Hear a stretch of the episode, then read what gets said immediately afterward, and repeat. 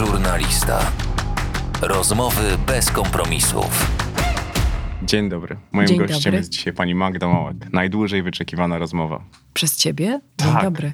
Jak tu weszłam, to przedstawiliśmy się sobie po imieniu, to może zostaniemy na ty, bo to jest moją rolą, bo jestem starsza od ciebie. Tego nikt nie wie. E, ja nie ukrywam nigdy swojego wieku, zawsze ja mówię, ile mam lat. Ty jesteś milenialsem, ja jestem z pokolenia X. O, ale to Czyli X, jak mamy walkę roczników 7-6 kontra, nie pamiętam. ale się nie wstydzę, zdecydowanie. No to powiedz, jak Mój się rocznik jest piękny. Wychowałem się, jeszcze, 80 któryś. wychowałem się jeszcze w czasach analogowych w gruncie rzeczy. Jestem z tego bardzo, bardzo szczęśliwy. To No tak, był- porównania w życiu są ważne, bo mamy jakiś punkt odniesienia. I też rozmawiałem właśnie o tym z Tomkiem Kamelem, że ja mieszkając w małej miejscowości, wychowywałem się w bardzo podobnych czasach do jego, ze względu na to, że do tej małej miejscowości to docierało wszystko 100 lat później, ze względu na to, że nie było internetu, nie, coś z galerii handlowej to było science fiction w takiej małej miejscowości, w której ja mieszkałem. To, to było... Daj spokój, w moim dzieciństwie nie było galerii handlowych. Były tak zwane ryneczki.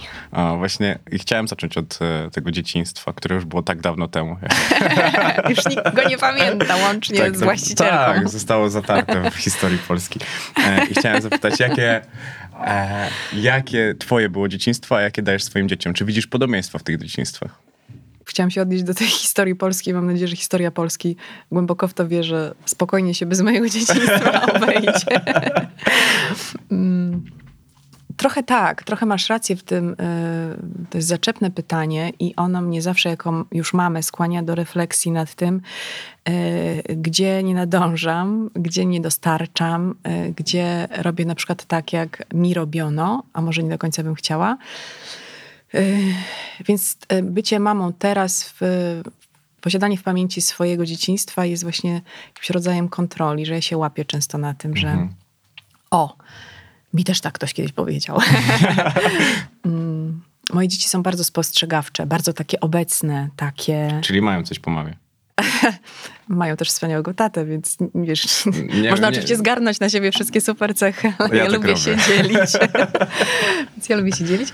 I takie mam przekonanie, że one, że to ja się od nich uczę. I że moje dzieciństwo, mając je, jawi mi się zupełnie innym czasem, niż Mhm. mi się wydawało jeszcze 10 lat temu, bo je idealizowałam. A teraz już potrafię popatrzeć w jakiś sposób, e, może nie krytycznie, ale obiektywnie. A widzisz dużą różnicę w perspektywie mm, swojego podejścia do życia, teraz kiedy jesteś mamą, a kiedy nie byłaś? No pewnie, no to, to jest duża zmiana. No to jest zejście z własnego wysokiego C na poziom wspólnych potrzeb i, no i wieczne lawirowanie w kwestii e, gospodarowania czasem. Ale to też jest e, zaczepna do tego, że schodziłaś z telewizji na YouTube. No, nie wiem, czy można powiedzieć schodziłaś, tylko zmieniłaś po prostu platformę.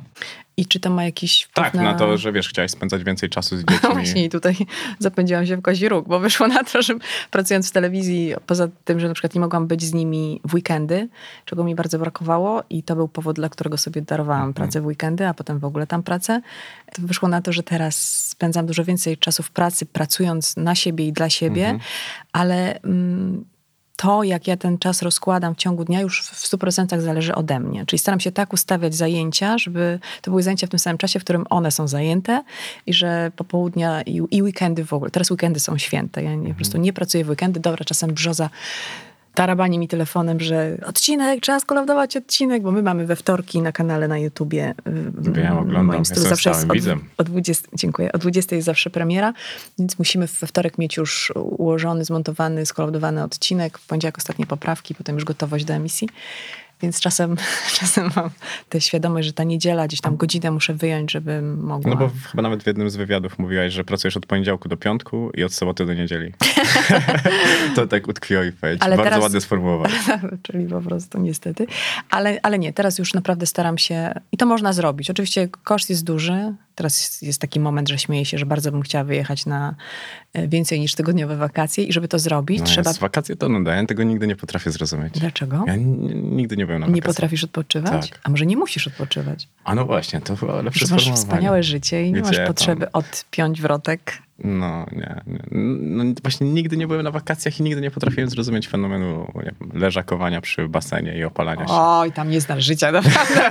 Wiesz, w moim to wieku pokolenie. Te kości potrzebują się dłużej wygrzewać. witamina D, wiesz, nie ma to jak witamina D bezpośrednio z góry, nie tam z jakichś kropelek.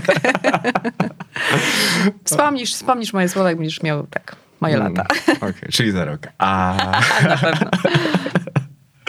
A była taka rozmowa na twoim kanale, wracając do niego, która cię zawiodła? Której, od której oczekiwałeś dużo więcej? Tak. I zawiodła mnie, ale nie pod kątem merytorycznym, a technicznym technologicznym, A, bo to była to widziałem. pierwsza rozmowa z Jasią Kuli, której sobie nigdy nie daruję, ponieważ tam było po prostu 50 minut takiego wspaniałego materiału, a ponieważ nagrywałyśmy w tych covidowych, lockdownowych technologiach typu Zoom czy coś tam i to w ogóle nie zadziałało, więc zostało 15 minut czegoś, co się nadawało do emisji, co nie było oczywiście złe, ale, ale no, no nie było takie, jak chciałam, żeby było, więc to jest ta jedyna rzecz, która mnie... e, Wiesz co? A, to spodziewałem się, że ktoś nie jednak mam- cię zawiódł. Już dawno wyłączyłam sobie ten przycisk zawód, dlatego że nau- Zawód jednak jeszcze jakiś uprawiasz. ktoś mi ostatnio zwrócił uwagę, no najpierw mówisz youtuberką, potem dziennikarką. Się śmieję, no trochę tak, bo żeby być youtuberką, bycie dziennikarką, No ale to jest przedłużenie to trochę jest twojej mój- roboty. ja to mam w genach. Natomiast youtuber to jest jednak dla mnie dzisiaj, czy youtuberka, czyli ja, to jest jednak dla mnie większa rola. Tak to podpiszę. Magda Mołek, youtuberka. youtuberka z dużą rolą. youtuberka w roli głównej, czy coś tak. I w moim To stylu. była taka Natsu. Zabrała udział w roli głównej. E, ale poczekaj, bo chciałam o czymś innym i znowu wyszło, że o robocie. Zawód. Ten zawód, chodzi mi tutaj o to, że, że rozczarowania biorą się z oczekiwań. Nauczyłam się nie mieć oczekiwań. I ja nie stawiam sobie tezy, że ja w tej rozmowie czy w tym spotkaniu coś wyciągnę. Ja po prostu tego nie wiem. Idę z tak zwaną czystą kartką i patrzę, co się wydarzy. I daję się prowadzić mojemu. Jestem przygotowana, bo ja po prostu jestem ze starej szkoły. Ja mam przygo- Ty się też przygotowałeś do rozmowy ze mną. Jestem przygotowana. Jestem samobójcą. Albo nie wiem sam teraz. już. Jestem, jestem świadoma tego, y, z kim rozmawiam, jakie są je, jego, jej dokonania, y, Mm. co ostatnio się wydarzyło, ale daje się ponieść chwili. Bo ja w ogóle uważam, że każde spotkanie i nasze w życiu i zawodowe zawsze jest taką sumą zdarzeń danego momentu. To, z jakim nastrojem tu przyszłam, z jakim ty tu przyszedłeś, jakie mamy w jakimś stopniu marzenia o tym, co się tu miało wydarzyć, a ma wydarzyć, co potrafimy z siebie, ile dzisiaj dać. I to jest zapis danego spotkania, bo może gdybyśmy się spotkali w środę albo za dwa miesiące, miałoby to inny Za klimat. dwa miesiące brzmi realnie, bo wiem, jak długo musiałem czekać. No, mój drogi, zdaje się, że czekałeś tylko trzy tygodnie. O, właśnie. Tylko trzy tygodnie. Ja jestem z tych, co zawsze na wczoraj. A ty tak nie masz? Nie. Nie? Ale O to też jest kwestia, tak, kwestia tego, że to Różnica pokolenia. na pewno, a dwa, y, pokora, czyli przekonanie i przeświadczenie, że wszystko ma swój czas. Że przyjdzie taki moment, że to będzie ten moment na to spotkanie. I ja bardzo w to wierzę. Ja chciałbym wierzyć. To jeszcze dużo rzeczy przede mną. Na Roberta Lewandowskiego czekałam pięć lat. No, słyszałem. Chodziłam, tupałam, dzwoniłam, prosiłam i nagle po prostu przyszło w najmniej spodziewanym momencie, tam dokładnie, gdzie ja musiałam przekonfigurować swoje życie jeszcze dziesięciu innych osób, no ale zrobiliśmy to. I to była ta rozmowa i to był ten No, moment. czyli trzy tygodnie do pięciu lat to jednak... Szacuj, szacuj, Mm. szanuj. Okej, no, starałem się dowartościować porównanie do Roberta No Lewandowskiego. widzisz, można powiedzieć, że jestem łatwa. Do tego dojdziemy. Albo nie, ale no próbuj. Właśnie, no, no, to spróbujmy. Podobno byłem to całkiem niezły. Czasy Tindera już za mną. A byłeś na Tinderze? Ja w ogóle nie O znam Jezus. kompletnie tego narzędzia. Zazdroszczę. Trochę wam współczuję, bo Bardzo. Wydaje mi się na koniec Trochę dnia, że jest w tym dużo jakiejś kreacji i posłyszę te opowieści. Słyszałam ostatnio mrożącą krew w żyłach opowieść, jak pan z Tindera umówił się z panią i okazało się, że on zrobił sobie casting na te panie, ponieważ do miejsca, do którego zaprosił tę dziewczynę, co 15 minut przychodziły następne osoby, przyjechał catering i wyszło na to, że to jest jakieś spotkanie grupowe, wieloosobowe ku ogromnemu zdziwieniu tych pań, bo żadna nie miała bladego pojęcia, że bierze udział w Ale to nie castingu, tak, że trochę spotkaniu. zadrwił z tego?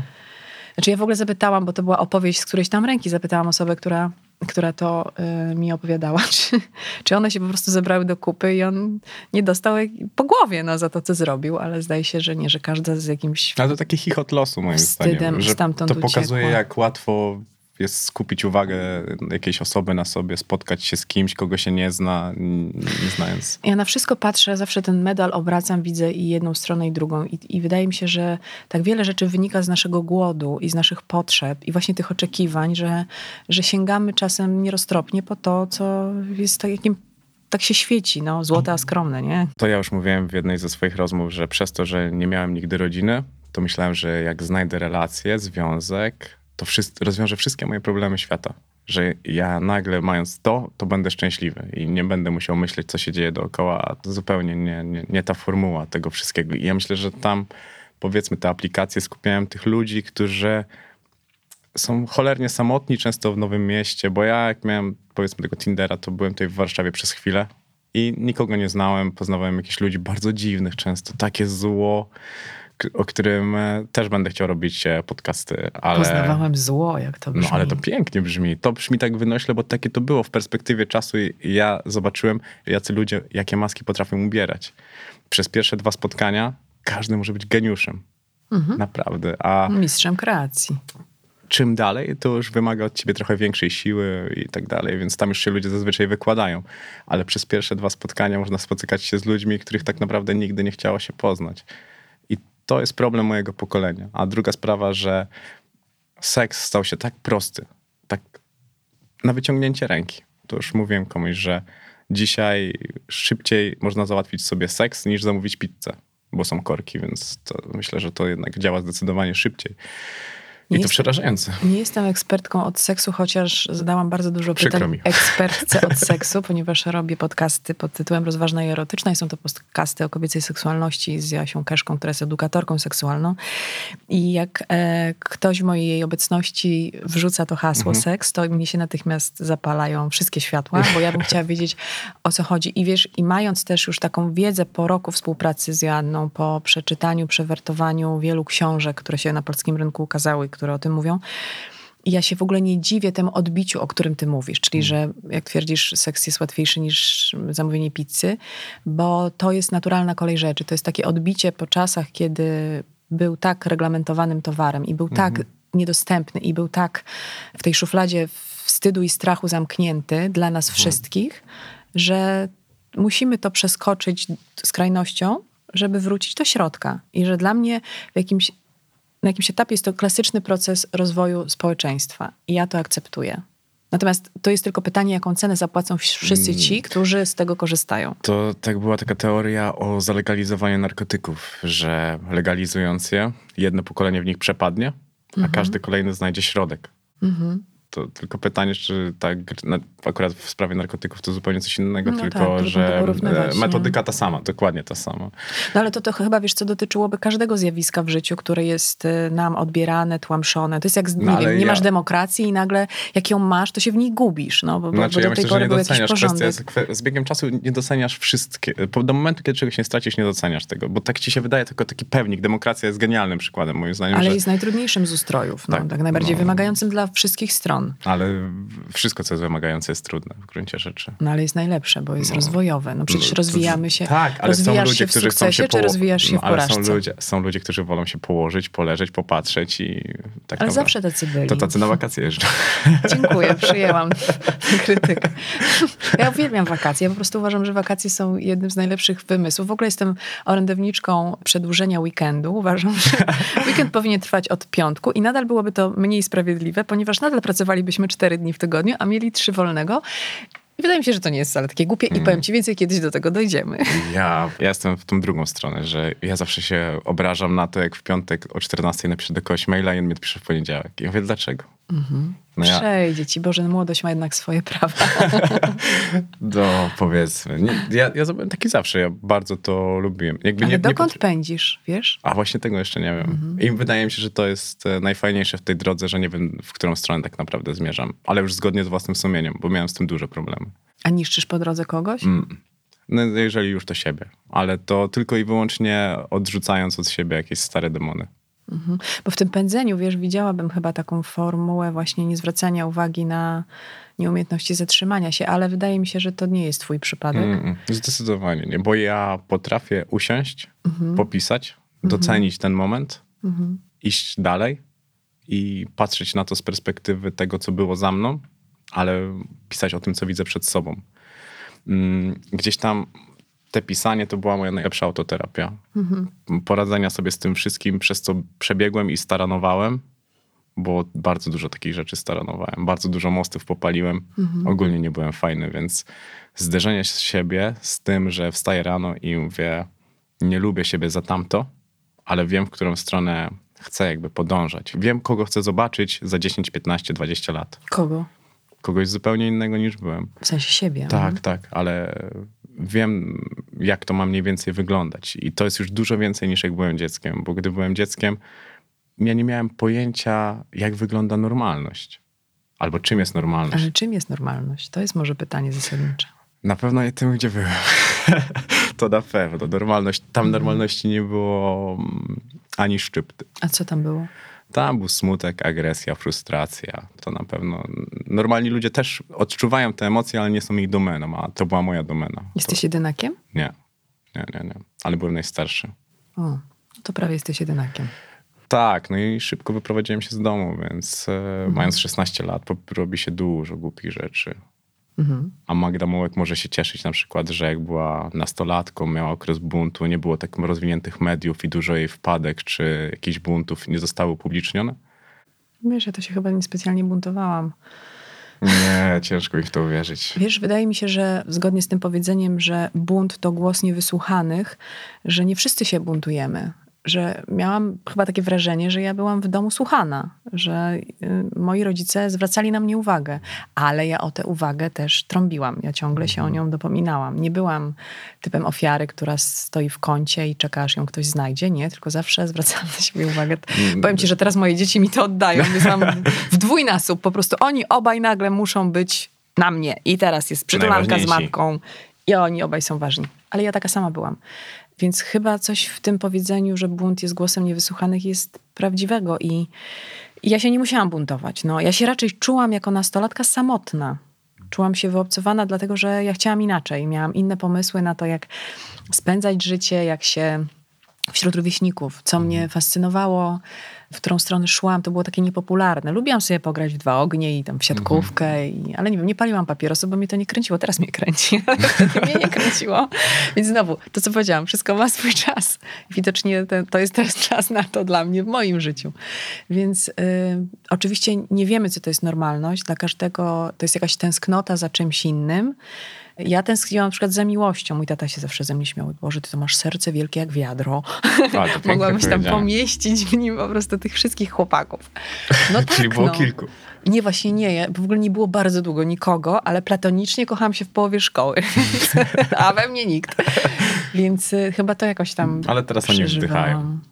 Nie, no co ty nie sądzę. Daj spokój. Wszystko ludzie. płowieje, wiesz, po stu latach. Nic już nie Tak. ma znaczenia. Mm, Oglądałem e, twój występ u Kuby Wojewódzkiego 14 lat temu. To było 14 lat temu. Mhm. Jezu. Tak się No. zastanawiam ostatnio, kiedy to było. Czas ci służy. Tak? O Jezu.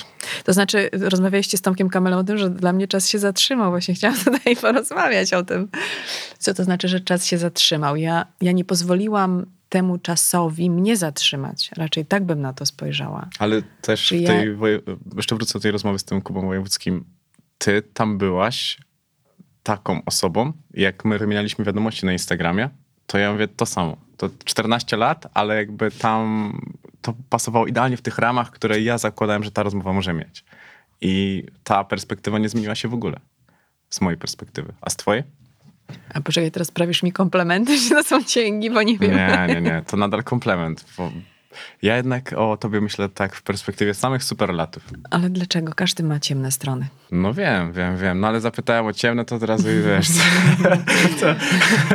Jak to było, zapytaj mnie o moją największą porażkę, to powiem ci, jaki mam największy sukces. To jest bardzo dobra metoda. To jest najlepsza metoda. Bardzo dobra metoda. I wiesz co? Pamiętam tę rozmowę, jej klimat, natomiast nie wiem, o czym tam mówiłam, no bo to już jest tak, Tam nic mądrego, ale. ale, ale, jak to sam, u Kuby. ale samo, samo prowadzenie rozmowy takie bardzo mi się podobało, bo nie dałaś po prostu sobie wejść na głowę i zarządzałaś tą rozmową. To było widać, że to ty y, dyktujesz jakby warunki tej rozmowy. To też jest nieoczywiste w tamtej formule programu.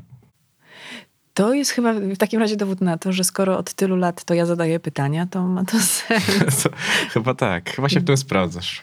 Chyba tak. Znaczy przede wszystkim... Jako youtuberka wychodzi ci nieźle. Dzięki. Przede wszystkim y, daje mi to cały czas y, tak... Wiesz co, to są motyle w brzuchu, wiesz, nie? Mhm. To jest tutaj ten... Zalałem alkoholem.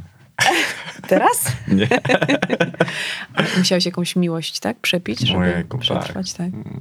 Ale to jest wspaniałe. W ogóle ja pomyślałam sobie, że ta miłość jest takim tematem, który my jakoś tak powierzchownie i tak, i tak przedmiotowo traktujemy, a tam jest tyle odcieni, tyle barw, tyle nie...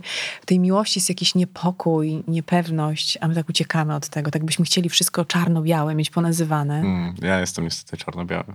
No właśnie nie, wydaje mi się, że w tym, co ty piszesz, jest taka przestrzeń na coś takiego, co się wymyka powierzchowności. I to Mm. jest, i myślę, że to jest twoja... Ale ja, Zaleta ja na przykład duża. mam coś takiego, że Bo piszę... ty masz czutkę. Mm, No, a ja piszę o sobie, to ciężko jest nie mieć tej czutki wtedy, jeżeli nie kłamiesz. No I, nie, to jest kwestia wrażliwości, bo jeśli... Ja to piszę i nie masz, piszę, to że nie byłem napiszesz. zły, tam zawodziłem i tak dalej. I bije się tą pierś, bije, bije, bije i na końcu piszę przepraszam.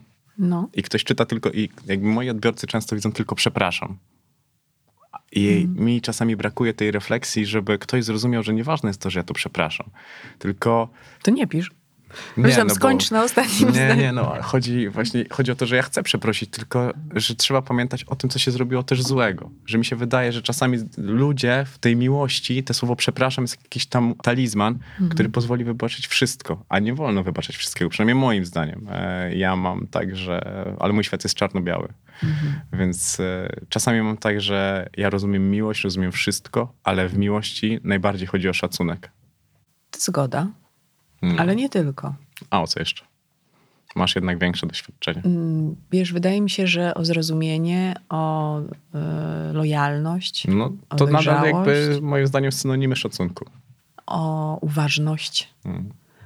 y, o obecność, o czułość, o wrażliwość. No jest tego trochę. Tych, No, ści- no, no ściów, właśnie. tych ściów jest dużo. No właśnie, bo Można powiedzieć ości. ości zdecydowanie, bo to bardzo ciężko przełknąć niektóre rzeczy. Ale ja zawsze tak naiwnie staram się wierzyć w to wszystko, że to może być piękne. Mm, I czasami jak spotykam się z taką chropowatą rzeczywistością, że miłość to nie jest tak tylko, że to jest super kolacja w restauracji, wyjście na spacer, No to w ogóle nie jest to. to, to, to w ogóle nie jest to właśnie. I gdzieś tam czasami pisząc, to gubisz się w tym, czym jest naprawdę miłość, a w czym jest w twojej wyobraźni, a czym jest w rzeczywistości. Mi się wydaje, że też nas te wszystkie filmy piękne trochę psują i oczekujemy od życia czegoś, co zupełnie nie istnieje. Wiesz co, one nas psują nie trochę, tylko maksymalnie, bo nawet teraz, za chwilę na kanale będzie rozmowa z Tomkiem Sobierajskim, socjologiem. Rozmawiamy właśnie o tym, ile, ile złego wyrządzają nam seriale, w których jest ta odwieczna walka o tę, którą się kocha, albo o tego, którego się kocha. Widziałam taki dokument mm, na Watch Dogs o y, sile komedii romantycznych, jaką wielką szkodę w powszechnej wyobraźni wyrządzają nam te filmy, jeśli są brane tak bezrefleksyjnie, jeden do jednego. Więc jest dużo takich, wiesz, miejsc, które właśnie spłycają miłość, które pokazują, że ona jest tylko odtąd dotąd. A ja na przykład bardzo lubię cytat z Biblii, ten o miłości. Nie pamiętam, e, za dobrze nie znam tej książki, ale nie pamiętam w, w którym to rozdziale i u kogo. Ale ten cytat z Biblii jest bardzo często przez mądrych i świadomych duchownych przytaczany wtedy, kiedy ktoś e, zawiera związek małżeński, ten sakramentalny. I tam jest właśnie o tej miłości w taki sposób, w który ja rozumiem miłość. Bo na wielu poziomach to jest jak taka lasagna. Tam jest poukładane, Kalorycznie. ale pysznie. I też barwnie. I w jakiś sposób też harmonijnie. E, No, no, no dużo tam jest tego. Myślę, że jakiekolwiek umysły są za małe na to, żeby zobaczyć i zrozumieć tę miłość taką, do której wydaje mi się, i też wiem to ze swoich rozmów z moimi gośćmi, do której tak czy siak wszyscy tęsknimy i do niej, do niej tęsknimy i za nią biegniemy. No ale w tym wszystkim jest też bardzo dużo pokusy dookoła i mi się wydaje, że ludzie często wymiękają przez te pokusy, które Mhm. dążą mm, też często przez pracę, przez ten bieg, o którym rozmawialiśmy wcześniej. No czasy są ciężkie, są przez czasy bodźców. Instagram. No jeżeli rozmawiamy o koloryzowaniu świata, to Instagram chyba ma najgorsze kolory tej koloryzacji. Ale właśnie dajmy temu Instagramowi żyć. No on ma po prostu taki wymiar. Dlaczego? Zobacz, ktoś mi to kiedyś tłumaczył w ten sposób. Porównajmy Instagrama do y, naszych zdjęć, naszych starych albumów. Powiedziałeś, że jesteś trochę analogowy. Nie wiem, czy masz takie albumy z tamtych czasów. Mam. No i przecież tam też wstawiano w miarę najlepsze zdjęcia. Wybieraliśmy zdjęcia. Naj... Były to inne czasy, bo na przykład jak się wywoływało film, Pamiętam. były klatki, 32 klatki tego filmu, tam Orwo czy coś tam mój tata wywoływał zdjęcia, więc ja to robiłam z nim po nocach, to no nie wszystkie ujęcia były idealne, ale i tak się udawało. A zobacz, ile teraz robimy zdjęć w tym aparacie, żeby wybrać to jedno. Spośród, nie wiem, tobie się zdarza, bo mi się spośród i- 50 zdarza Ja- ja nie wybrać nadal- jednego. Pomimo tego, że piszę o miłości, nadal jestem facetem. Robię jedno, jedno wrzucam. No i dobrze, no ale ty, ty masz zawsze tak ukryte, że tam wiesz, musisz niczego, nie wiadomo, która to noga, która ręka, czy, ręka, czy to czapka jest z tej strony, czy z tamtej, nie widać. No, właśnie tą najgorszą część zasłoniłem.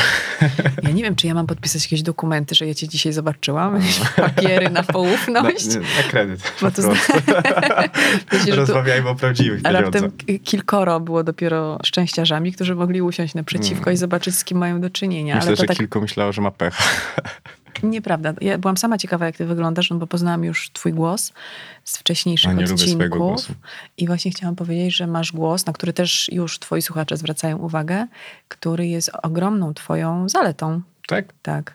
Mm, Bo jest w nim, jestem starsza, daj skończyć, bo jest w nim taki tembr dziecięcej radości, ale też prawdy. I to jest bardzo ważne, bardzo fajne, bardzo takie czułe. To, to komplement. To, To, wytniemy, bo to była reklama, za którą nie zapłacono. No nie, no podpiszemy kredyt, To może ja pieniędzy. właśnie za to, tak, ja już nie będę podpisywała niczego, to już się rozliczyliśmy. Ojejku, ale mm, powiedziałaś coś fajnego u Karola Paciorka. Zresztą bardzo lubię to, co on robi. E, Mhm. Że świat zasadza się na konflikcie. I jest coś, o co ty się kłócisz ze światem? Już się nie kłócę. Obserwuję ten konflikt, to była chyba bardziej taka wypowiedź, że widzę, że ludzie się strasznie przypinają do bycia po którejś ze stron. Wiesz, ja miałam 18 lat, jak umarł mój ojciec. I dla mnie ta decyzja losu, Mhm. jak powiedziała moja babcia, a jego mama, bo Bóg tak chciał, ja po prostu, yy, No. spośród wszystkich niesprawiedliwości ta była najdotkliwszym ciosem. Ja w ogóle się nie zgadzam z taką filozofią, że Bóg tak chciał i długo się z nią nie zgadzałam i nie A potrafiłam dzisiaj tego się z nią zgadzasz? w żaden sposób zaakceptować. I dopiero niedawno poukładałam te klocki, połączyłam te kropki i te puzzle mi się ułożyły w całość. I jestem za mała, to wiem, na to, żeby dyskutować z wyrokami losu. Nie mam w ogóle ani narzędzi, ani przestrzeni, po prostu należy przyjmować wszystko to, na co nie mamy wpływu, a ja nie miałam na to wpływu. A długo, długo się obwiniałam, że, że to jest po prostu taka, nawet, no bo, żadna w tym moja wina, ale że to jest ta niesprawiedliwość, że dlaczego ktoś tak wspaniały, przecież byliśmy taką cudowną rodziną, dlaczego nagle tej osoby nie ma. I, I to jest niewytłumaczalne, bo to był zawał serca i to jest sekunda i jesteśmy w zupełnie innej sytuacji. Ale na przykład to doświadczenie budowało też, bo ono kwitło we mnie latami. Nie potrafiłam tego złapać, urządzić. Ale z, bo ja ci mówię z mojej perspektywy, że jak zmarł na początku moja babcia, potem mój dziadek, to bardzo by mnie zmieniło. Właśnie z tego takiego, powiedzmy, ulicznego. Ale od razu? Mm, Babcia to był jeden etap, Mhm. dziadek od razu. Aha, czyli E, nagle postanowiłeś być dobrym człowiekiem. Mm, Jakby jak już babcia zmarła, to zauważyłem, że to jest droga donikąd. A jak zmarł dziadek, to zrestartowałem wszystko i wtedy zacząłem pisać, tak naprawdę. Stwierdziłem, że tą cały ten smutek, który mam w sobie, zacznę wylewać tu, w tym miejscu. Więc to pytanie do ciebie, czy ciebie też to tak zmieniło, że gdzieś zaczęłaś dostrzegać coś więcej? Ja na przykład, wprawdzie później, ale zrozumiałam, że gdyby to się nie wydarzyło, ja byłabym kompletnie gdzie indziej. No, Czyli ja- gdyby mój tata żył, a mieliśmy wobec mojej przyszłości plany, bo ja, tak jak ci powiedziałam, wciskałam rodziców, halo, jestem, teraz o mnie rozmawia. Ja mam dwóch braci, więc wiesz, musiałam się przebić. Musiałaś być silna. musiałam być e, głośna. więc się To też próbowałam. już siła, wiesz? W W, jak, w dzisiejszych jakimś stopniu na pewno. kto głośniej krzyczy, ten wygrywa. Ale wiesz, to było 20, 30 lat temu, więc wtedy nie obowiązywały takie dawno, standardy. dawno. Warto przypomnieć, że to było dawno. Ale tak, ale się boksowałam o to zauważenie i, i ja zrozumiałam, że gdyby mój tata żył, spełniłyby się jego marzenia o moim życiu. Bo Takim ja byś sobie zdałam sprawę z tego, że ja nie chciałam być tym, kim wspólnie, tu duży cudzysłów, Mhm. chcieliśmy. Mój tata bardzo chciał, żebym była tłumaczką języka niemieckiego, przysięgłą tłumaczką języka niemieckiego. Boże, jaka nuda. Morgen. Ponieważ ja pochodzę z Legnicy, tak, Guten Morgen, to mm, wiesz, bliskość e, granicy niemieckiej, to, to był rzut beretem. E, To był początek, ja szłam do liceum na początku lat 90., więc wiesz, Polska stała się nagle wolnym krajem. Powstawało tyle, A tak. teraz tylko wolno idziemy do przodu. Teraz jesteśmy powolnym krajem. I wiesz, i wtedy to było takie y, awans społeczny, prawda? Mhm. Że tutaj nagle po prostu córka wykształcona, praca międzynarodowa i tak dalej. To były takie dziwne marzenia. No i właśnie, i gdyby się to nie wydarzyło, to Mhm. pewnie wydarzyłoby się coś innego. Więc sens tych zdarzeń losowych zobaczyłam dopiero po wielu latach. To ja, mam bardzo podobne doświadczenia, że uważam, że gdyby dziadek dzisiaj, może dziadek, babcia no, żyła, Mhm. to na pewno by mnie tu nie było.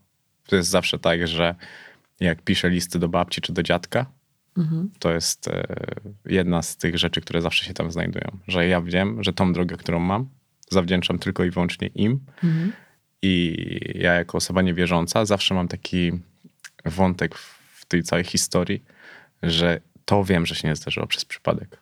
Że o całej reszcie nie myślę w ten sposób, Mhm. ale nad tym zawsze się pochylam i jak jadę tam na grup moich dziadków, to zawsze im dziękuję, bo ja mam takie podejście, że oni musieli poświęcić życie, żebym ja znalazł swoje. To w ten sposób trochę staram się o tym myśleć. Może nad wyraz, ale dużo łatwiej mi się z tym żyje. Już nauczyłem się trochę tłumaczyć sobie niektóre rzeczy, żeby tak egoistycznie e, łatwiej mi było dalej.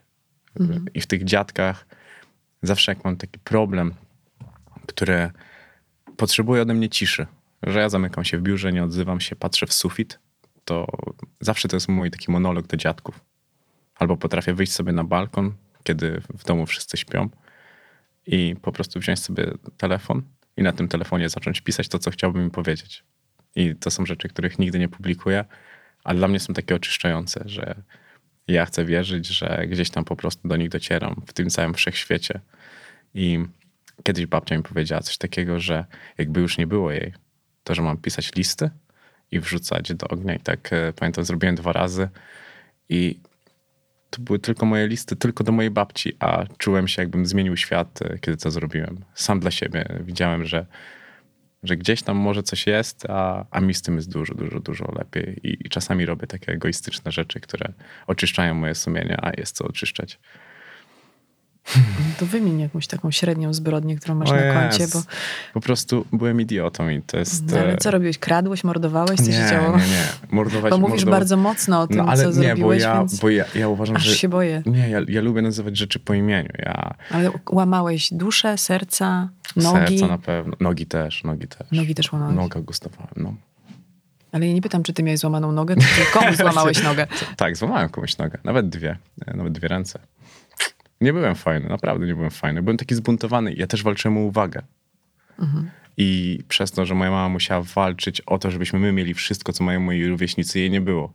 E, I najgorsze, co w życiu dostrzegłem jako dziecko, że agresją da się zwrócić uwagę na siebie i da się zbudować pozycję, bo mnie się bali.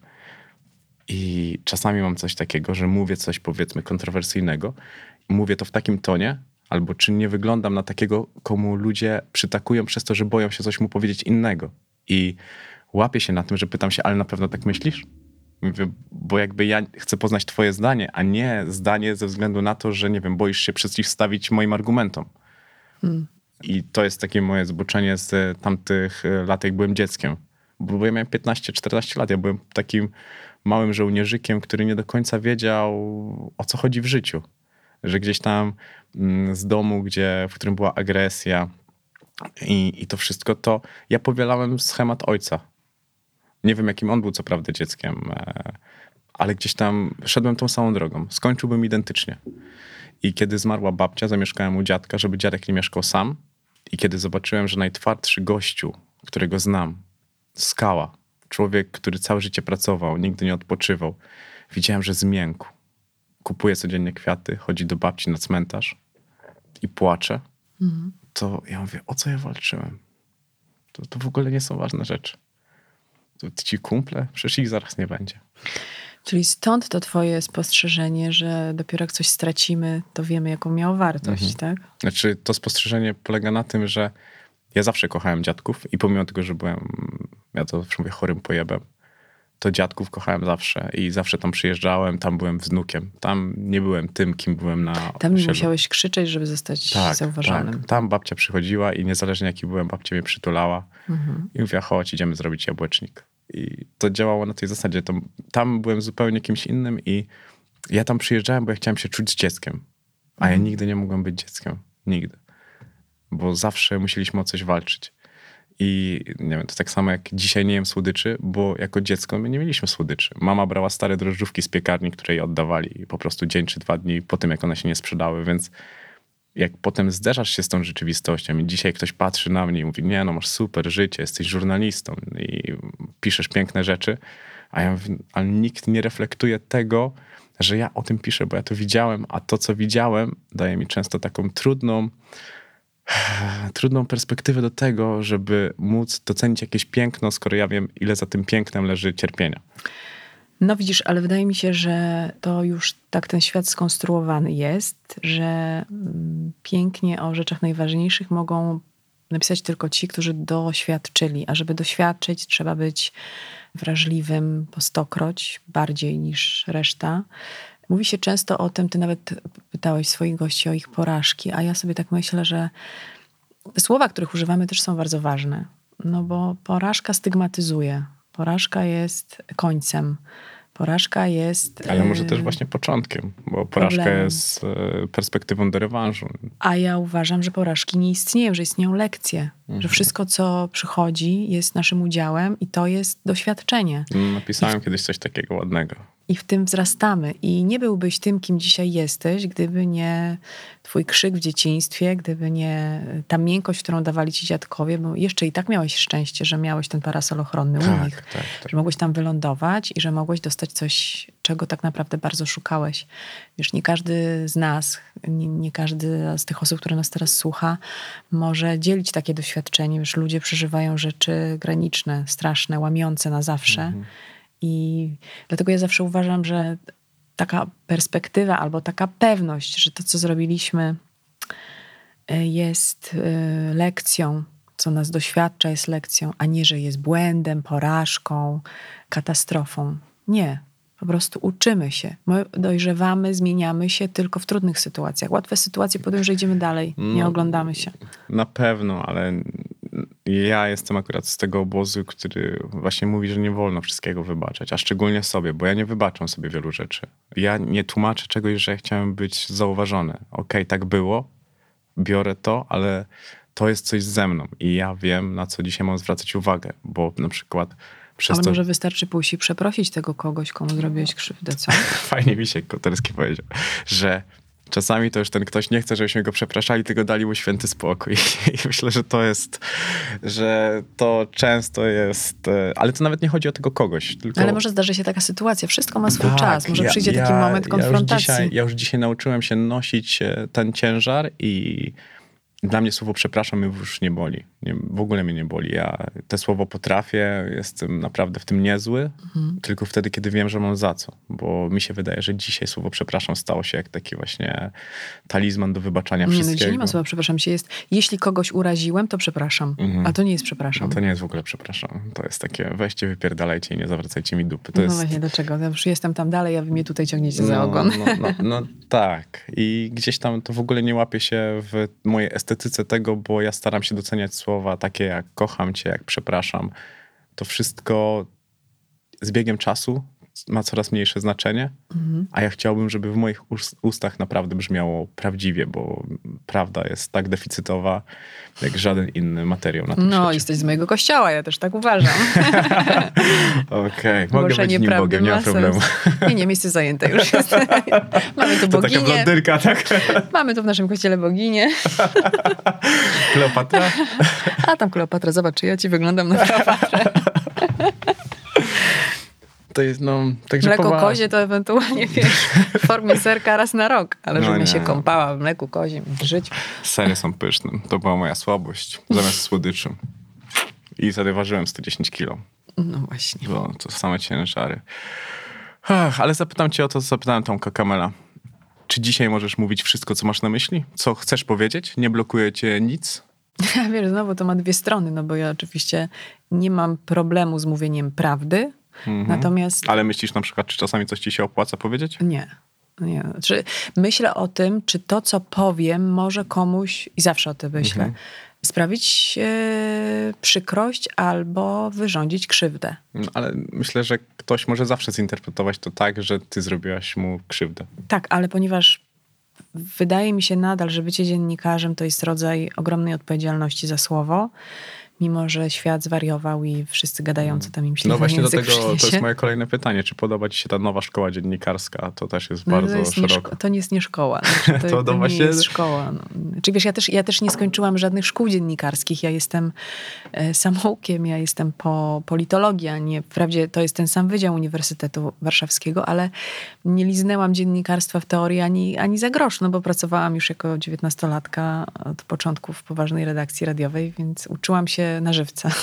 Operacja na otwartym sercu. Ale pacjent żyje. Pacjent żyje, operator daje sobie radę. Operatorka. Ale nie, nie mam tego wykształcenia. Natomiast jak, jak mnie pytasz, no chyba już. Chyba już jest świat pytań i odpowiedzi, tylko pytanie, czy to są. Ja wczoraj nawet oglądałam w TVN24 debatę pod tytułem Dziennikarz czy zawód i jak to wygląda, dziennikarz debata. I byli tam wspaniali ludzie, którzy są jakby z mojego pokolenia, z mojego rozdania i których bardzo cenię, których pracę czytam, których nagrodami się cieszę. No i co z tego, że my, jest nas, jeśli to zebrać do kupy, 25 osób w ten sam sposób myślimy, czyli że zawsze chcemy wysłuchać drugiej strony, że jesteśmy otwarci na zdanie przeciwne, że, że się na to nie zamykamy, że uważamy, że przekonywanie przekonanych jest bez sensu. Dziennikarstwo polega na tym, żeby to, co powiedział Janusz Fertner, zajrzeć pod dywan. Jeśli tam jest nagromadzone bałagan, to nie przykryć to z powrotem, tylko y, otworzyć, powiedzieć, no dobra, to spróbujmy ten bałagan jakoś usystematyzować. I na tym to polega. I ja też tak uważam. No i bez względu na to, kto tych śmieci tam nawrzucał, czyje one są, trzeba po prostu stawić czoło prawdzie i znowu prawda wraca. Ale nie ma innego wyjścia. No, dziennikarstwo jest zadawaniem pytań, często niewygodnych. Na Ale dziennikarstwo polega. trochę za bardzo utarło się z kumpelstwem, moim zdaniem, że tam już chodzą ludzie, którzy się często znają, wiedzą i, i ci do tych, którzy zadają niewygodne pytania, się często nie chce już chodzić. Bo jest już tyle tych dziennikarzy, tych wszystkich mediów, tego wszystkiego, Mhm. że po co masz iść do kogoś, kto będzie ci teraz tutaj trudne pytania zadawał? No właśnie po rozwój. Po to się tam idzie. No A tak. poklepanie A to- po to plecach można iść do sąsiada. Więc, więc pytanie, po co iść do To dziennikarza? trzeba pozdrowić pani sąsiada. Ja mam wspaniałych sąsiadów. Wspaniałych, tak sobie żyjemy po cichutku wszyscy. Więc nie ma ze mną większych... No Boże, moje dzieci tupią tam. To małe biega, te stópki wbija, to jest może w jakiś Mhm. To sposób... być. Bardzo przepraszam naszych sąsiadów poniżej, ale no, on wyrośnie z tego. To wróćmy, wróćmy do tych dziennikarzy i też tupcią trochę. Może też wyrosną trochę z tego. Bo tam więcej Twittera niż merytoryki. A w ogóle uważam, że Twitter nie jest kompletnie miejscem do prowadzenia działalności pozapolityczną działalności dziennikarskiej w żadnym stopniu, no bo Ale to jest znowu wrzucanie takiej bomby. dużo no. tak, tak, to jest już ulubione narzędzie właśnie współczesnego dziennikarstwa i prezydentura Donalda Trumpa pokazała, do czego y, to narzędzie może nas doprowadzić Mhm. jako społeczeństwa. Ale ja, wiesz, staram się cały czas skupiać na tym, co jest dobre, a nie na tym, co jest takie niedociągnięte albo niedobre, więc uważam, że prawda jest ważna, o prawdę trzeba wyciągać, o prawdę trzeba pokazywać. Y, Z tym, że jest pewien moment, gdzie tej gdzie ta prawda może zrobić komuś krzywdę. To jest to, co kiedyś profesor Bartoszewski właśnie bardzo pięknie ujmował, że czasem należało przemilczeć sprawę, nie skłamać, nie powiedzieć prawdy, po prostu przemilczeć temat, bo jeśli mowa o czasach wojennych, to to decydowało o czyimś życiu na przykład, prawda? Więc wiesz, my nie stoimy w żadnych granicznych momentach, my nie mamy żadnego noża na gardle, my po prostu Czyli uważasz, że teraz prawdę powinno się wyciągać? Zawsze należało ją wyciągać. No, Na tym polega istota dziennikarstwa, szukania prawdy. To ty powiedziałeś, że prawda leży po środku w tym podcaście u kogoś. I tu jest zgoda, tylko tak często obu stronom jest daleko do tego środka, nikomu się tam nie chce dojść. A to jest wysiłek, żeby go w to włożyć, warto. Spotkanie z prawdą jest uwalniające. To jest e, taki piękny cytat z jednego z raperów, że prawda leży po środku, ale za chuj nikt nie chce się ruszać. I, No widzisz, nie wiedziałam, nie znam tego cytatu, a się No, a zgadzamy. To, jest, to jest e, idealne.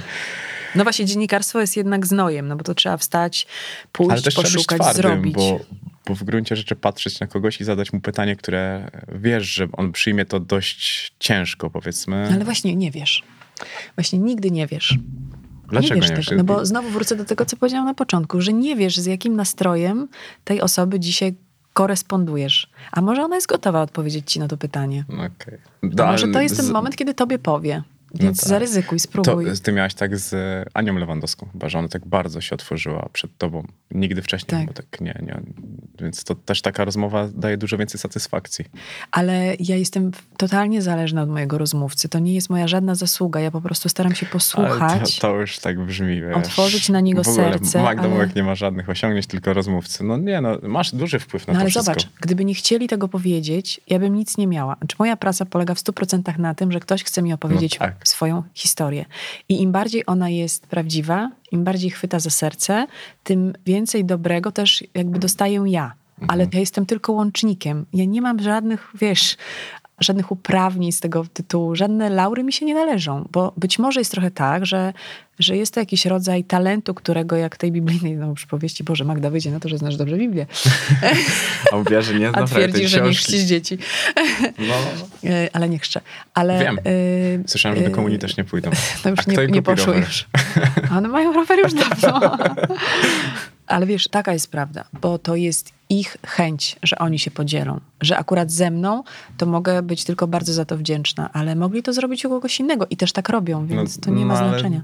Też ja uważam, że masz taką trochę wyłączność na ten fajny kobiecy odbiór, że Magda Mołek się tak kojarzy. O, Magda Mołek. Zawsze jest, ja nawet z samego szacunku do tego, co robi, zawsze pani Magda Mołek. I to jest dla mnie takie najwyższy wyraz szacunku, jak o kimś mówię. Jest też pan Oliwier Janiak, też bardzo szanuję. I ja... I pan Kamel. Pan Kamel też. Pan Kamel jest... e, Super.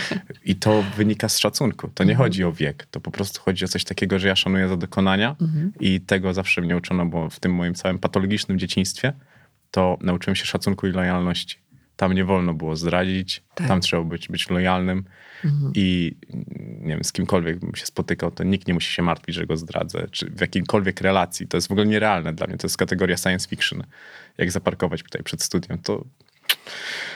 jak można, to tylko daleko ode mnie. E, A propos pana to, i tego twojego szacunku, pamiętam jak pojechałam na swój pierwszy wywiad y, zagraniczny w historii mojej pracy i pracowałam wtedy w telewizji publicznej. Poleciałam do Genewy na rozmowę z Philem Collinsem i cały czas mówiłam do niego Mr. Collins.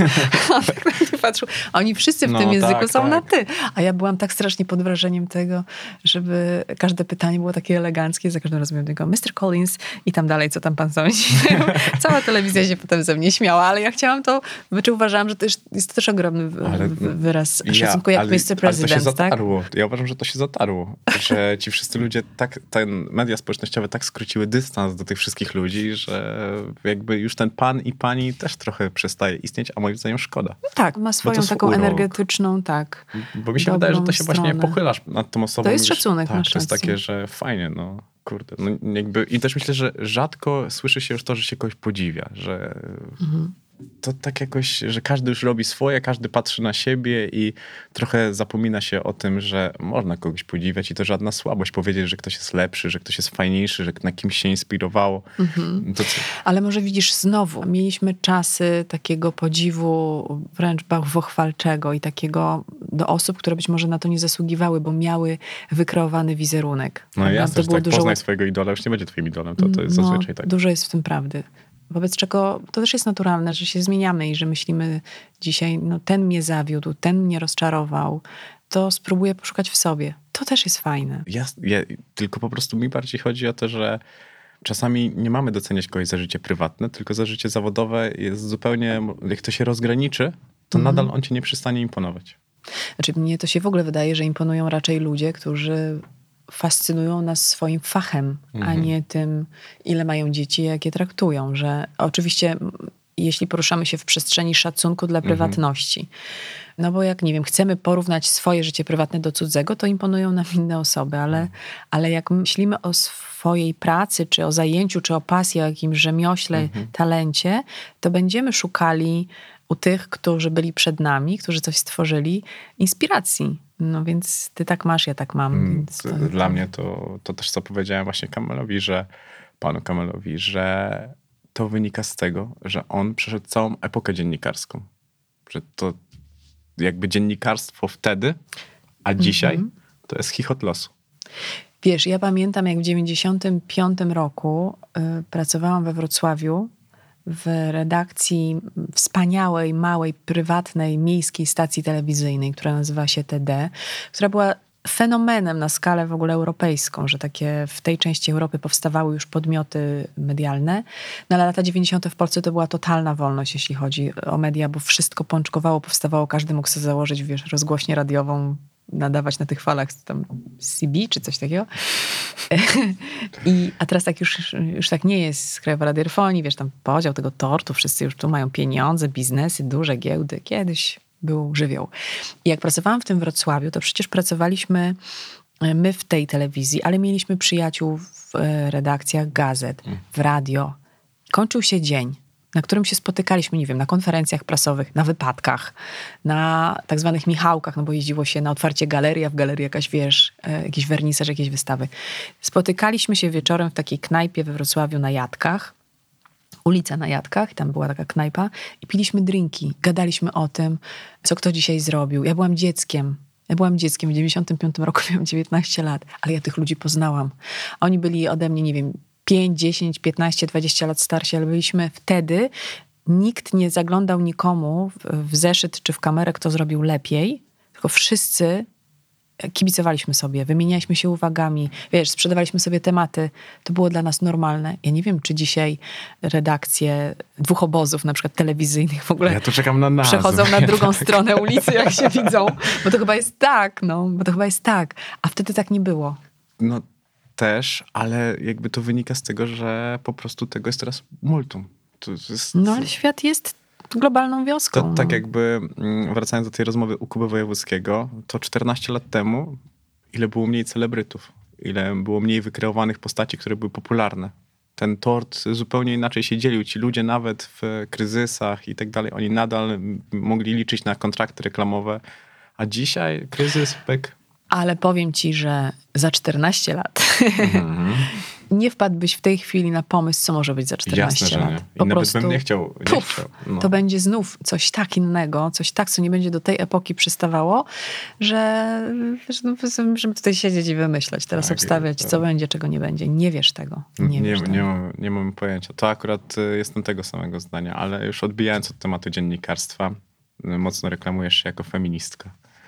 Mnie słuchają prawie same kobiety, Mhm. więc co byś powiedziała takiej młodej kobiecie dzisiaj? Wiadomo, że żadna rada nie jest uniwersalna, jednego się Mhm. trzyma, drugiego nie. Ale co byś ty powiedziała takiej kobiecie, która wchodzi dzisiaj w ten okres, nie wiem, 20-25 lat, co powinna robić, żeby czuć się, żeby żyło się jej lżej, czy Mhm. żeby była szczęśliwa po prostu, w jakiejkolwiek formie szczęścia.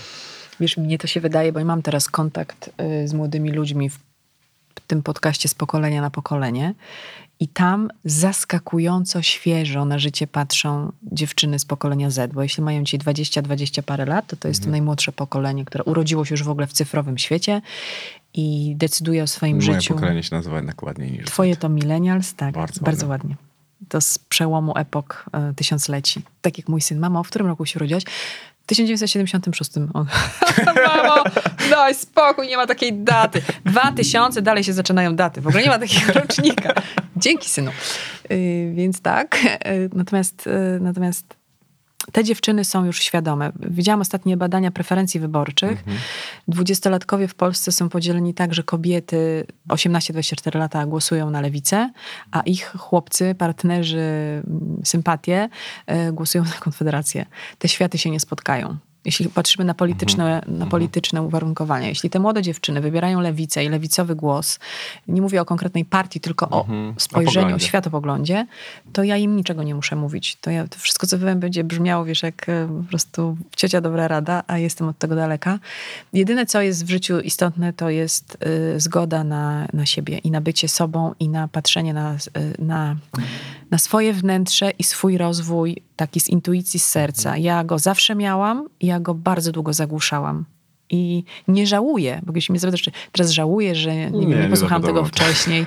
Właśnie nie żałuję, bo przyszedł znowu na to dobry moment. Ale jeśli ktoś może usłyszeć jakąkolwiek radę, to chyba to będzie rada pod tytułem patrz sobie do środka. Świat na zewnątrz będzie szalał. Ale czasami jak patrzymy do środka, to tam ciężko jest odnaleźć coś takiego, co może dać nam jakiś nie wiem, wskazówkę. Mi się wydaje, że tam czasami jest chaos, harmider i No, ale to jest różnorodność, to jest bogactwo. Właśnie ten chaos i harmider. Jak jest pusto, to nic próżnego, to i salmon nie naleje. Ale dobrze wiesz, bo jesteś tego idealnym przykładem, że idealnym wystarczy. jesteś idealnym żurnalistą, że doskonale wiesz, że tam jest z czego czerpać. I to jest bogactwo. Każdy je ma. To jest też moje doświadczenie dziennikarskie. Każdy ma historię do opowiedzenia. Trzeba tylko To- umieć Mhm. ją e, zobaczyć i jej wysłuchać. Ktoś powiedział coś takiego, że każdy człowiek ma historię na jedną książkę. I to gdzieś mniej więcej w tym się zapina. A ty bardzo długo szukałaś siebie? Czy wiedziałaś, że taka jesteś i tak w sumie to gdzieś tam szło? Znalazłam, zgubiłam siebie, wyparłam się samej siebie, bo chciałam mm, istnieć w realiach, czy w towarzystwie, czy, czy w społeczności, w której miałam być, ale zawsze wracałam. Jak wracałam, to miałam zawsze takie, Boże, żyję. Jestem. Jestem. To było takie moje doświadczenie, coś w stylu jak olśnienie, jak poczucie, że jestem autentyczna, taka osadzona, Mm. A robiłaś coś, do czego się kompletnie nie nadawałaś? Że tak czułaś, że to nie twój świat? No pewnie. To co? O Jezu, masz dużo czasu? to będę wymieniać. No pewnie były jakieś takie drobiazgi, yy, drobiazgi zawodowe, ale dla mnie to były duże rzeczy, nie? że na przykład prowadziłam programy, do których się nie nadawałam, ale znowu traktowałam to jak lekcję. No dobra, tu nie nadawałam się, ale coś zrobiłam. Na przykład po czasie mówiono mi, że skoczyłam na głęboką wodę, ja w ogóle tego tak nie odbierałam, gdyby chcieć z drugiej strony przyjrzeć się tematowi. Dopiero jak patrzyłam wstecz, to mówiłam, ej, faktycznie to było, nie wiem, odważne, to było jakieś wyzwanie, to było wbrew mnie. Bo jak byłam w danej sytuacji, nie byłam w stanie ocenić tego, czy to, co robię, jest zgodne z tą mną wtedy, ale dopiero po czasie widziałam, że, że ja wręcz przeskakiwałam jakieś swoje A ograniczenia. Nie masz tak, że na przykład to wynikało z tego, że żyłaś w takim pędzie, że ciężko było dostrzec, że to jest skok na, na głęboką wodę? Nie, raczej to nie był pęd, no bo dzisiaj żyję szybciej niż, nie wiem, 20 lat temu, ale to była taka ciekawość, taka potrzeba zmiany, takie coś przychodziło i ja mówiłam, wszyscy dookoła, ej, nie rób tego, zostaw to, bo to w ogóle to jest, wiesz, niebezpieczne, to cię utopia. Ja zaraz, chwileczkę, bach. I to było to. I to był właśnie ten moment olśnienia. Czuję, że żyję i bardzo tego potrzebowałam. A czym jest to życie? Nie wiem, wiesz co, jakimś takim właśnie teraz nawet wzięłam ten głęboki oddech, możesz go wypuścić i masz jakiś rodzaj lekkości w sercu. Ja bym to nazwała miłością. Ja bym to nazwała miłością do, Do siebie, siebie. Do, akceptacją siebie, y, poczuciem, że jestem na właściwym miejscu, dlatego że to jestem ja. To jest moja historia, moje życie i ono jest dobre. I ja nie będę się porównywać. Nie chcę stać na żadnym A, podium. o to chciałem zapytać. Czy miałaś kiedyś tak, że się porównywałaś? Nie, właśnie i chyba jestem tego pozbawiona. Nawet z moją mamą wiele lat temu dyskutowałyśmy o tym, bo ja mam to po niej, że jestem pozbawiona genu zawiści, zazdrości. Ja tego nie mam. Znaczy mnie, ja się tak cieszę, jak komuś wychodzi. Dlatego ja tutaj jestem dzisiaj u ciebie, bo ty jesteś jedną z wielu osób, które ja mijam na swojej drodze. Ale zaintrygowało mnie to wszystko, co mówisz, jak mówisz. Oczywiście moja ciekawość, pierwszy stopień do piekła, jak ty wyglądasz, to zostało zaspokojone, ale mi się cały czas wydaje, że, że świat jest tak nieodkryty, że jest tyle rzeczy do zobaczenia. Jak mnie to napędza i ja sobie spełniam następne Jesteś swoje marzenie, to mam takie poczucie dobrze. Bo ja już myślę, że dobrze. za dużo widziałem. Ale nie wiesz, bo nie widziałeś wszystkiego. Nikt z nas nie jest w stanie przez całe życie zobaczyć Tak, wszystkiego. no. Wiesz, ja bym chciała książek przeczytać? Ja bym super tak, bym tak chciała po prostu przeczytać te wszystkie książki, które tak na mnie patrzą, no ale ja dużo nie patrzy, mam na to dużo czasu. patrzy na półce i czeka, i czeka, i czeka, i czeka. Raczej na półkach są te, które już przeczytałam, ale teraz takie w stosach leżą, te, które nie zostały przeczytane. Szczerze, nie mam... Ale znajdujesz na to czas. Ja wydzieram ten czas. Ja zawsze, ktoś mnie pyta, pani Magdo, jak pani tak czyta przy dwójce dzieci? Wydzieram czas. Ja po prostu potrafię przeczytać trzy kartki za dwie godziny, cztery następne. Nie mam już tego komfortu, że siadam i pożeram przez północy pół książki, bo ze zmęczenia po prostu padam i tak wcześniej niż Ja wszyscy. najbardziej właśnie lubiłem tą formę. Ja że też to lubiłam. Dwa uwielbiam. dni, książka, dziękuję. O tak, to moje życie. Właśnie ty się Ja nie śmiejesz z urlopów, a wycierać. wiesz ile ja książek przeczytałam na, na leżanku. A ja właśnie, ale do tego też ja, ja w ogóle dostrzegłem w sobie, że nie nadaje się do biznesu, to przede wszystkim, a to była bardzo bolesna lekcja dla mnie, bo ja myślałem, że całe życie, że się nadaje do tego biznesu. Jak już, Ale do jakiego biznesu? Mm, No, ja miałem tą firmę Miłość No. I jakby ja zderzyłem się z rzeczywistością, że tak mówię, to w ogóle nie jest moje życie. W Mhm. ogóle bicie się z tam z, z taką zarządzaniem, taką olbrzymią firmą, to, to Mhm. nie ja. A całe życie myślałem, że to ja. I tak, No Mówię. widzisz, nie widziałeś jeszcze wszystkiego. tak, no nie wiedziałem wszystkiego i gdzieś tak jak pytałem się o to, czy robiłaś coś, do czego się nie nadawałeś, to miałem w perspektywie, że ja robiłem to, bo ja... Bo. A tak to nie, bo ty masz tak, no to jest mocne doświadczenie. Y, Nie, ja takich, mm, żebym miała przekonanie na pewno, że to było nie to, to nie. No wiesz, ja... Znaczy, ja też nie mogę powiedzieć, że to nie było tak 100 na 100, no bo jakby to Mhm. odniosło sukces i tak dalej, ale do zarządzania taką dużą firmą zupełnie nie mój mózg. no ja, wspaniale, że ja masz lubię tego czytać świadomość. książki. Po, te podcasty to jest dla mnie fajna odskocznia od tego wszystkiego, bo ja raczej jestem zamkniętą osobą, która nie lubi poznawać za dużo nowych ludzi, a to jest forma, która zmusza mnie do tego, tylko że spotkania jeden na jeden dla mnie są zawsze zupełnie inne niż spotkanie z dziesięcioma osobami równocześnie, Mhm. którzy krzyczą i, i rozmawiają między sobą i trzeba się przekrzykiwać. To taka moja trauma z dzieciństwa, że ja już nie lubię, jak ktoś krzyczy dookoła i ja wolę porozmawiać spokojnie, iść na bok, wybieram miejsca, gdzie jest cisza, gdzie jest spokój, gdzie nie ma ludzi. Więc do dobrych restauracji jeszcze nie chodzę, raczej te kiepskie. Wspaniałą formą poznania ciebie są te podcasty, ponieważ ty tu bardzo dużo mówisz o sobie. No tak, jestem egoistą. ja w ogóle tego nie ukrywam. E, Także e, moim gościem był dzisiaj żurnalista. Dziękujemy za spotkanie.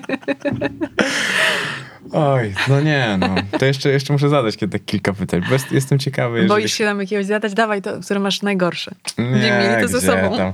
Mogę tylko zdradzić, że jak zapytałem się, czy są pytania, które nie mam o coś pytać, to powiedziałeś, że mogę pytać o wszystko. Na to, co będziesz chciała, to odpowiesz po swojemu. I że umiem odpowiadać nie odpowiadając. tak, ale to jest bardzo fajna cecha. No to tak jak ten e, pan Kamel, to mnie zabił tym. Ja mu pytam o porażkę, on mi odpowiada o sukcesie. Mówię, Geniusz. Wiesz, mówca motywacyjny nie może postępować inaczej. Ja nie jestem mówczynią motywacyjną. Ja po prostu, wiesz, mówię, co tam myślę. No, ale chciałem zapytać o tą jedną jeszcze rzecz, wracając do tego kanału na YouTubie, bo było, że gdzieś tam czytałem, że nie wykluczasz powrotu do telewizji i podtrzymujesz to. Wiesz, ja w ogóle sobie nie zakładam żadnych kagańców. Będzie super propozycja to z wiesz, telewizji tej, tamtej czy owej. Ja się nad nią pochylę. Pytanie na Natomiast... śniadanie kogoś szukają, e, ale... A, to dziękuję. A widziałaś jeszcze szansę na rozwój w telewizji? Nie, już nie widzę. Właśnie, bo to było to, że ja uważam, że to wyjście było idealne w moment. Takie w stylu pani Mołek. Ono było przemyślane, było przygotowane, a moment y, w historii świata w ogóle po prostu, no bo wtedy zaczął się lockdown, świetnie usprawiedliwił jakiekolwiek inne wątpliwości, które mogłabym mieć. I nie było już żadnych. Intuicyjnie wiedziałam, że tam jest moje miejsce. Od lat się do tego psychicznie przygotowywałam i wiedziałam, dlaczego chcę to robić i po prostu to zrobiłam. I w moim stylu jest naprawdę w moim stylu. To jest tak, jak ja chcę to robić. Natomiast ym, telewizja W Tele- czym jest atrakcyjniejsza od YouTube'a? no YouTube jest na żądanie w każdej chwili, kiedy chcesz. Ale to właśnie dlatego pytam, w czym jest lepsza telewizja. Mówię, jeśli chodzi o odbiorcę. Natomiast Mhm. jeśli chodzi o mnie, znowu, ja robię tak, jak chcę. Nie mam nad sobą nikogo. E, Brzoza mnie tam czasem popędza, ale to jest na zasadzie wspólnej sprawy. Ale ja nie muszę się A tłumaczyć. nagrywasz to wszystko w domu? Tak, to jest u mnie w domu. I dobrze się pracuje w domu? Widzisz, ja zawsze pracowałam w domu. Wbrew myśleniu o tym, że takie osoby jak ja mają po prostu jakiś wypasiony gabinet w jakimś wieżowcu, bo przecież pracuję w telewizji. Ja odkąd pracuję w telewizji, zawsze miałam komputer w domu. To była moja praca. Ja nie mam, ja nie mam swojego biurka w porannym programie, w którym przepracowałam 15 lat. Nie miałam swojego biurka w redakcji czy w stacji, w której robiłam przez kilkanaście lat swoje rozmowy, bo go nie potrzebowałam bo moje, moja praca jest w moim sercu, w mojej głowie. Ja nie potrzebowałam mieć miejsca, wiesz, i karty do wejścia. Potrzebowałam mi wtedy, jak były wezwania na tak zwany dywanik, to tam jeździłam. O, to... Ale chociaż nie za darmo? No, kochany. Zasłużyłaś. Jeśli chodzi o pieniądze, to ja naprawdę umiem o nich rozmawiać. A, to nic ciekawego tak naprawdę. Swoją drogą. Natomiast ciekawe w tym wszystkim jest to, że to gdybym miała tę radę dziewczynom dać, tym dużo młodszym ode mnie, To ta puenta, co wróciła. to żeby naprawdę dbały o swoje finanse, dbały o swoją niezależność finansową, bo ona, komfort zarabiania własnych pieniędzy należnych, takie jakie nam się w świecie feministycznym i w moim wyobrażeniu tego świata należą, jest po prostu niezbędny do funkcjonowania w prawdzie i szczerości. To jest bardzo potrzebne. I o to trzeba bardzo dbać i się, jak to mi ktoś ostatnio powiedział, co mnie też poruszyło i nauczyło, nie prosi się o podwyżkę. Po podwyżkę się idzie. Więc o pieniądzach umiem rozmawiać i nie pracowałam za darmo w telewizji, ale jeśli o to pytasz. I miałam bardzo duży komfort istnienia. Teraz mam zerowy, bo teraz wszystko jest płynne i teraz ja odpowiadam za ten biznes. Czyli I ja szukam finansowania. I to ja jestem tak. I to ja jestem, e, zarządzam firmą. I kręci mnie to na maksa. stałaś się bizneswoman. Tak. Dziennikarka, bizneswoman. YouTuberka. Magda, o, youtuberka. Magda. Dziękuję ci pięknie za rozmowę. Dziękuję. Dużo szczęścia wszystkim i miłości życzę. No, to super, że się w tym mieszczę.